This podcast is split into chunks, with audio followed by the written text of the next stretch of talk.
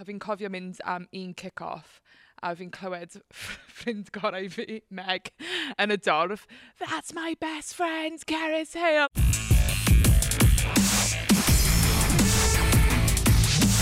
Croes yn ôl i benod arall o'r sgarmes ddigidol. Dwi'n nôl yma eto o'r wrsos yma yng Ngwestur Fro lle mae tîm enywod Cymru yn ymarfer a dwi falch o ddeud fod na ddwy o'r tîm nath giro'r Alban Brown Sadwrn yn i hymgyrch chwe gwlad yn ymuno efo fi'r wythnos yma Ceris Hale a Bethan Lewis. Diolch yn fawr iawn am ymuno fi. Dych chi'n iawn? Diolch am gael ni. Helo ddechrau gyfarchiadau enfawr uh, ar y fuddigoliaeth yna'n erbyn yr Alban.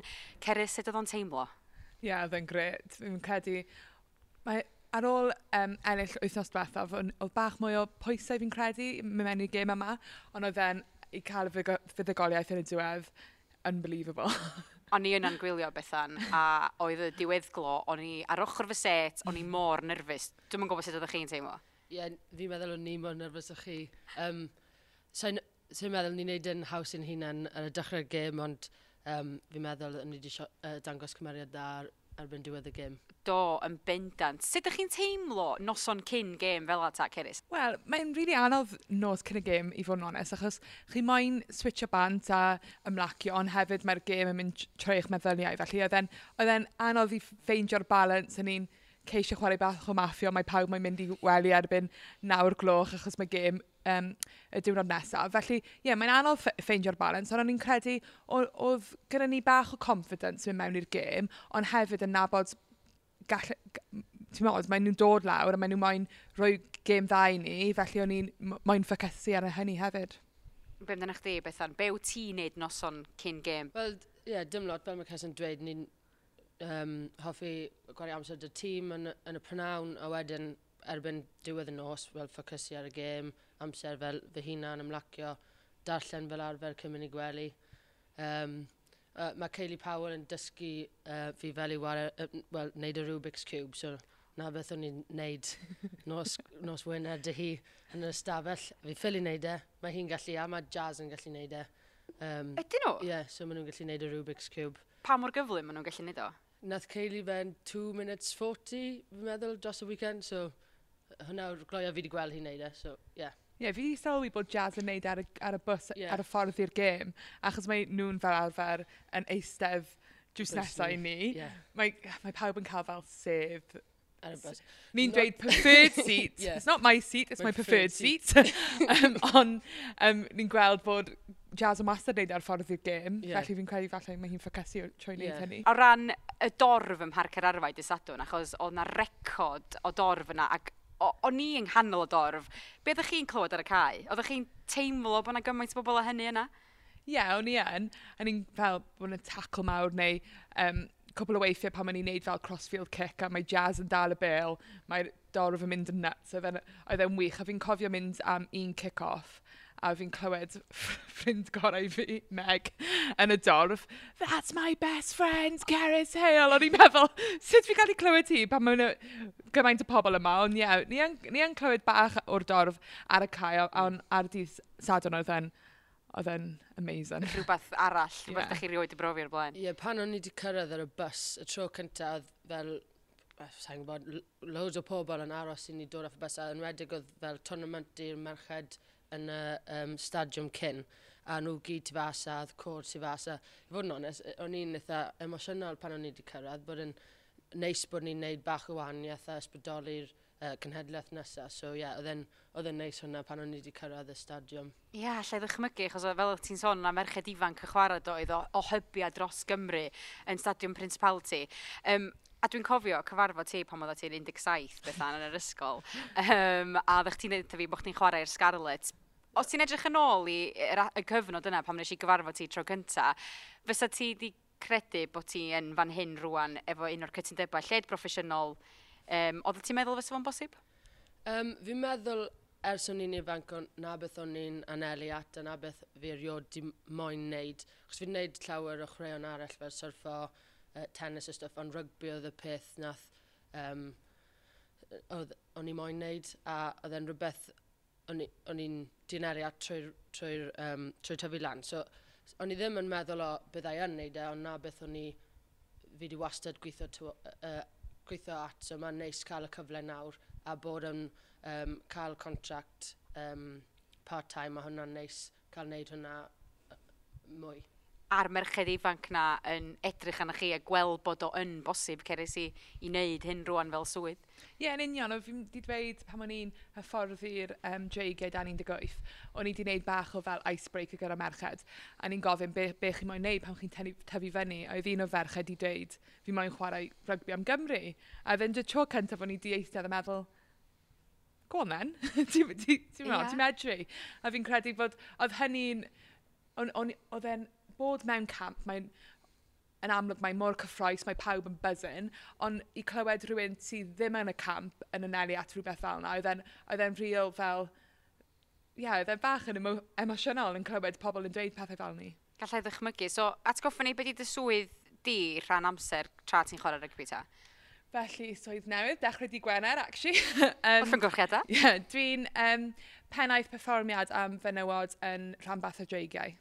Felly, really edrych ymlaen i, i dechrau, ond fi wedi bod yn neud bach um, yn barod a um, mae yna grŵp o ferched wedi mynd mewn i'r academy um, gyda'r boes a maen nhw'n cael yr un cyfleon a'r boes yn y rambart. So mae'n mae anhygol bod y dreigau wedi really um, mod, roi, roi bach amser a mewn i'r ferched achos fi moyn i'r merched cael y um, cyfle i really gweithio ar ei sgiliau, gweithio ar ei hunain er mwyn i nhw cael y cyfle i fod yn safle dwi yn nawr. Ie, yeah, yn bendant. A beth ydy dy swydd di llawn amser, uh, rhan amser efo'r rygbi beth? So fi'n hyfforddi um, uh, tîm prifysgol yn Hartbury o tîm menywod um, a fi jyst i benni astudio uh, Masters in Sports Psychology. So, ond fi'n gobeithio wneud mwy yn y, uh, hwnna yn y pen draw ond hyfforddi fi'n wneud yn y myned.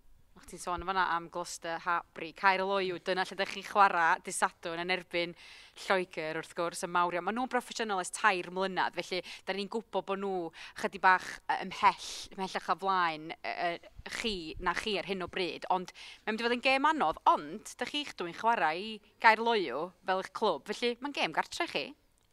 Ie, yeah, yeah. mae'n cartref o gartref yn dwi. E? Ie. yeah. Um, Fi'n edrych ymlaen i wario, mae na ni wedi wario cwpl o weithiau mna'n uh, season ma.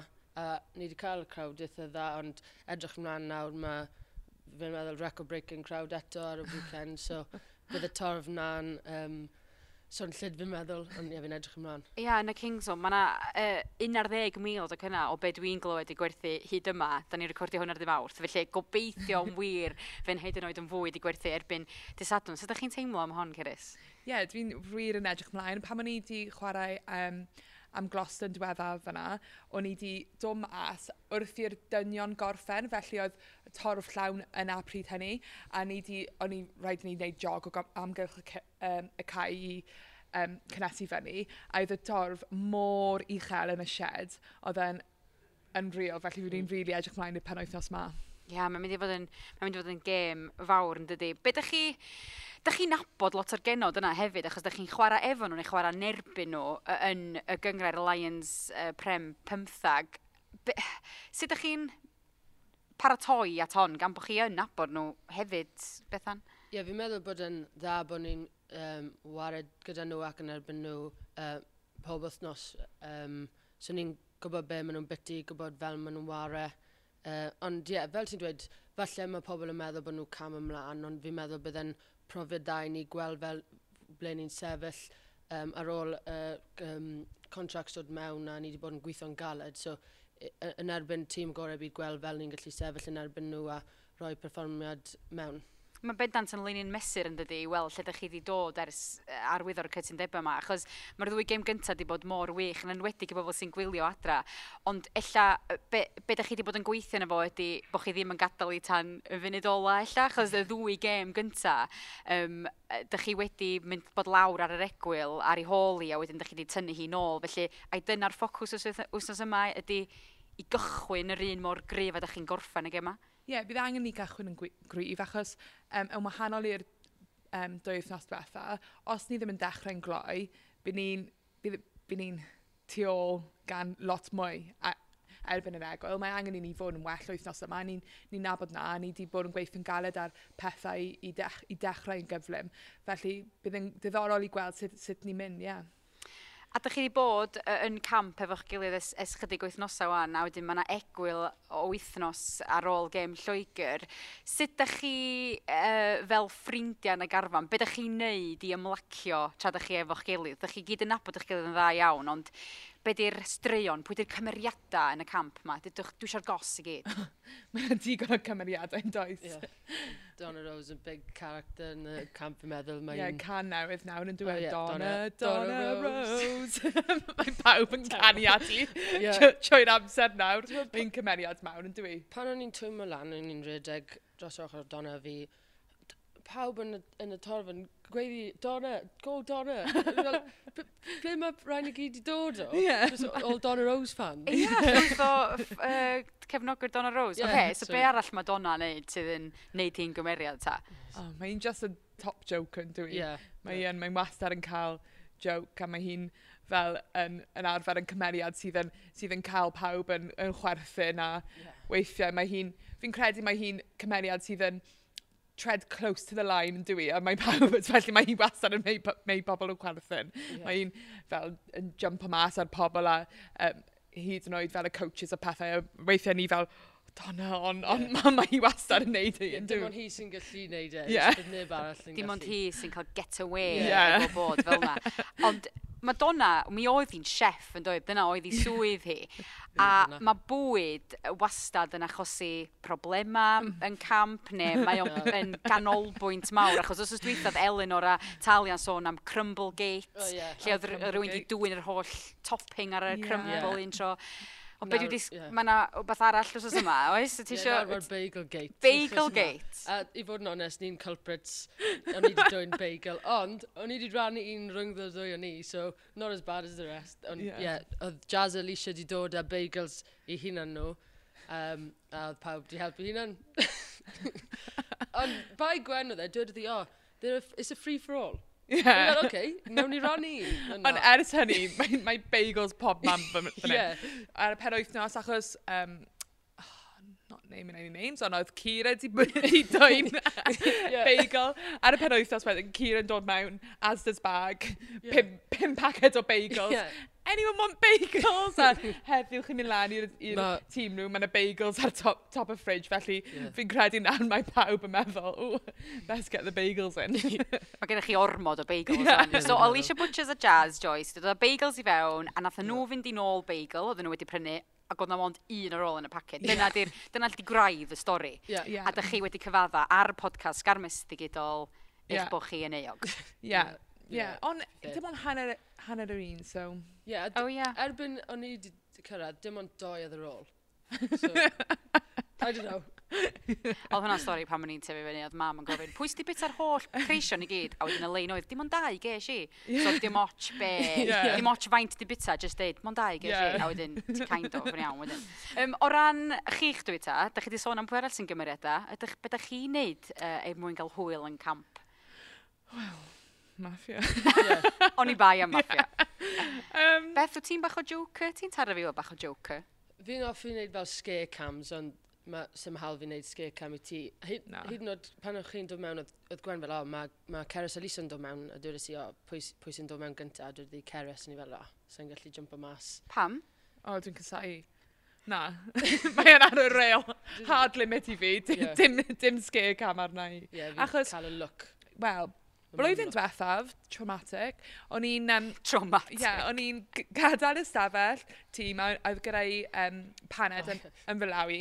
Oedd car wedi neidio mas arna i, a o'n i wedi uh, paned wedi mynd dros i llosgi llaw, o, o, oedd e'n wild, oedd e'n dros llyfr fi, mm. a hmm. nawr, na, yeah. not having it. Wyt ti'n ffilmio'r scare cams yma? rhoi nhw ar y yeah. cym gwefannau cymdeithasol. Wel ie, yeah, fi'n fi, fi adeiladu nawr yn gwneud compilation o'n nhw gyd. On... Bydd eich di wneud TikTok ohonyn nhw? Ie, yeah, wel, na, oh, that's the plan. O, dyna ydy'r yeah. cynllun. Oce, okay, oce. Na ni, na i, uh, na i ho holi y gwesteion nesa ysgarmes digidol os ydy hwn allan eto. Yeah. Ac os ydyn nhw wedi bod yn victim o'r yeah. scare camp. Um, ma, da ni yma yng Ngwestr Fro, mae merched peldroed yma yn ymarfer hefyd, mae gen nhw gêm nos Wener. Ydych chi'n dilyn peldroed? Ydych chi'n ffansio chi'n yna'n fel dipyn o ffobol yn eich amser ysbar? Um, o'n i wedi chwarae peldroed um, unwaith yn yr ysgol ac o'n i wedi brifo fy hunain felly. Rugby. Ond yes, so ni'n ffwtbol fan, really, ni. Ond, no.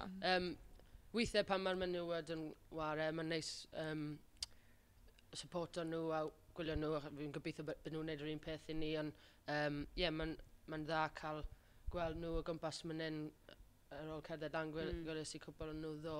Uh, ond ie, yeah, mae'n neis cael gweld menywod yn neud da yn chwaraeon.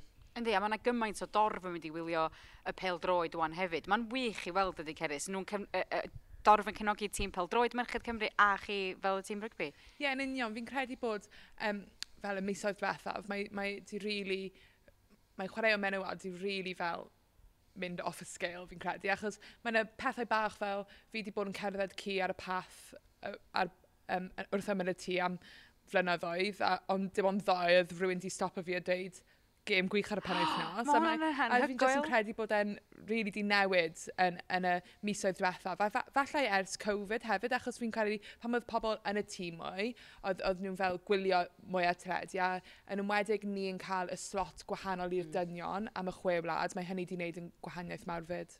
Reit, cyn i ni orffan yr hydyn ta, dwi'n joio clywed am y TikToks, ond mi nawn ni ganolbwynt y mwy ar Lloegr, jyst i orffan. Yeah. Um, mi nathon nhw giro reidel 70 wyth pwynt mm, i ddim, yeah. ydw i'n gywir yn deud yna, os ydw eitha. Maen nhw'n anhygol, di, a Emily Scarrett yn, yn cyrraedd carreg filltir hefyd. Be ydych chi'n wybod amdanyn nhw o chwarae efo nhw neu chwarae yn erbyn nhw?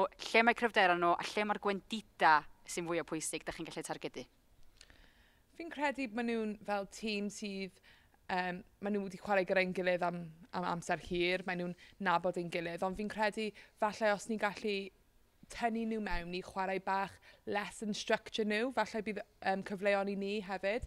Fi'n credu mynd mewn i wythnos yma, ni di wir bod yn ffocysu ar gêm ni mwy na mm. gêm nhw, achos ni moyn fod yn well na oedd ni wythnos diwetha. Fe, a fi'n credu ni di um, wneud yn dda pan o'n ni mewn um, 22, ni di sgori fel wythnos diwetha, 24 pwynt o'n ni yn y 22 chwe waith a ni di sgori 24 pwynt. Felly os ni'n gallu um, rhoi uh, cyfleon nhw i, even ni, mm -hmm. byd ni'n ni, ni neud yn dda fi'n credu, ond ie, yeah, fi mae'n credu falle sgrym ni mae'n ni moyn cadw targedu sgrym achos bod sgrym ni wedi bod yn dda. Mae wedi bod mor wych yn dod yeah, ar felly... ardaloedd gosod na. Ie, yeah, yn union, a beth all ti'n meddwl? Ie, yeah, fi'n meddwl ti'n iawn yn dweud bod rhaid ni cymryd fel structure nhw i ffwrdd. Fi'n meddwl na beth dyn ni dros nhw bod um, rygbi yn gwad ni, ni'n ni chwaraewyr rygbi a maen nhw'n ma nhw athletwyr, maen nhw'n fawr, ond sa'n meddwl bod nhw'n gymaint o fel calon dyn nhw. So os ni'n gallu dangos fel ni'n gallu wario, wario yn y sefleoedd cywir yr y ca, um, roi nhw o dan pwysau, um, fi'n meddwl bod ni'n gallu rhoi um, gym dda, a roi, nhw, roi pwysau arnyn nhw. Fi'n meddwl, so nhw'n um, so nhw'n used i cael pwysau roi arnyn nhw, mm. a fi'n meddwl gallen nhw colli penne falle os mae hwnna'n digwydd yn ni'n gallu gwneud hwnna. Wel, da chi'n ddigiro hyd yma a mae'r uh, goron drifflig yn y fantol hefyd. Felly, pob lwc, mae momentum sy'n ôl i chi. Diolch am wneud y podcast yma. Ydych chi di enjoyo? Ie, yeah, mae wedi bod yn wych. A mae amser yn hedfan pam ydych chi'n cael hwyl, achos dyn ni wedi gorffan barod. Ie, yn union. Diolch yn fawr. Diolch i chi hefyd am wrando ac am wylio. Gobeithio'n wir gawn i'ch cwmni chi tro nesaf ar ysgarmes digidol.